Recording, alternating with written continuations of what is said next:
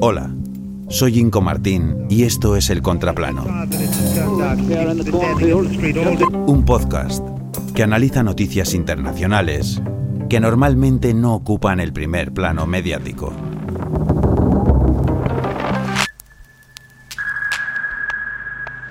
Falsos indígenas.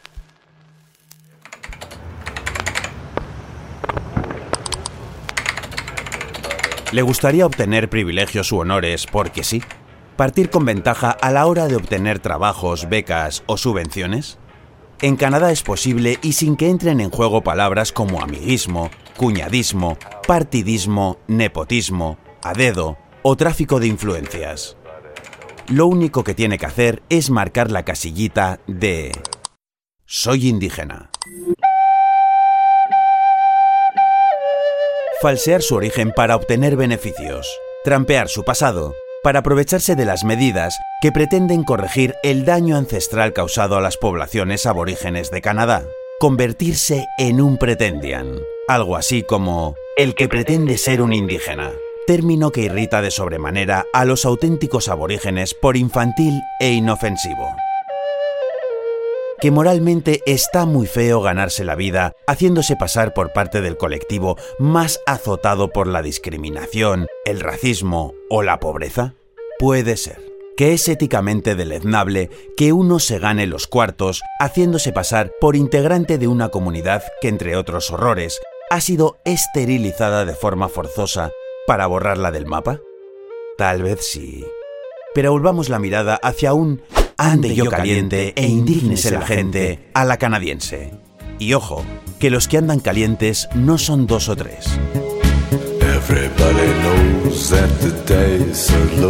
Hasta medio millón de pretendians han sido desenmascarados en Canadá. Artistas de fama mundial, prestigiosos escritores, laureados científicos, intelectuales, políticos, juristas. A la cabeza casos como el de la cantante, icono y fuente de inspiración indígena, Buffy Sainte-Marie, cuyas canciones han versioneado gente como Janis Joplin o Elvis, y que decía haber nacido en una reserva de Saskatchewan, cuando su padre era de origen italiano y su madre inglés.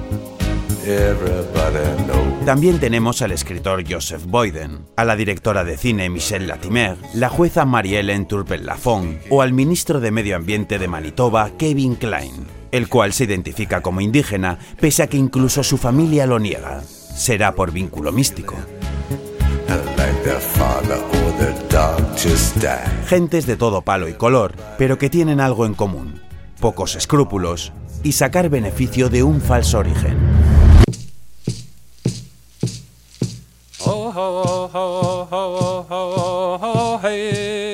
Cuando era joven, nadie quería ser indígena. Nos veían como sucios, borrachos, estúpidos portadores de enfermedades y bastardos. Esto declara la abogada indígena Jean Telliet, una de las muchas víctimas de este fraude, que afecta las posibilidades de futuro de 1,8 millones de verdaderos y verdaderas indígenas.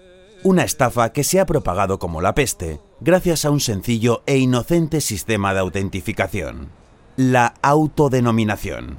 Es decir, que para ser considerado indígena es suficiente con que tú lo digas. Solución, visto una vez más que donde hay confianza, hay abuso, obligar a demostrarlo con pruebas y al que dude, se le podría llevar a acabar en los terrenos colindantes a esos internados gubernamentales, operados por la Iglesia Católica, donde 150.000 menores indígenas fueron separados de sus familias, donde sufrieron abusos físicos y sexuales, donde fueron abandonados a infinidad de enfermedades y donde muchos de ellos fueron enterrados en tumbas sin nombre.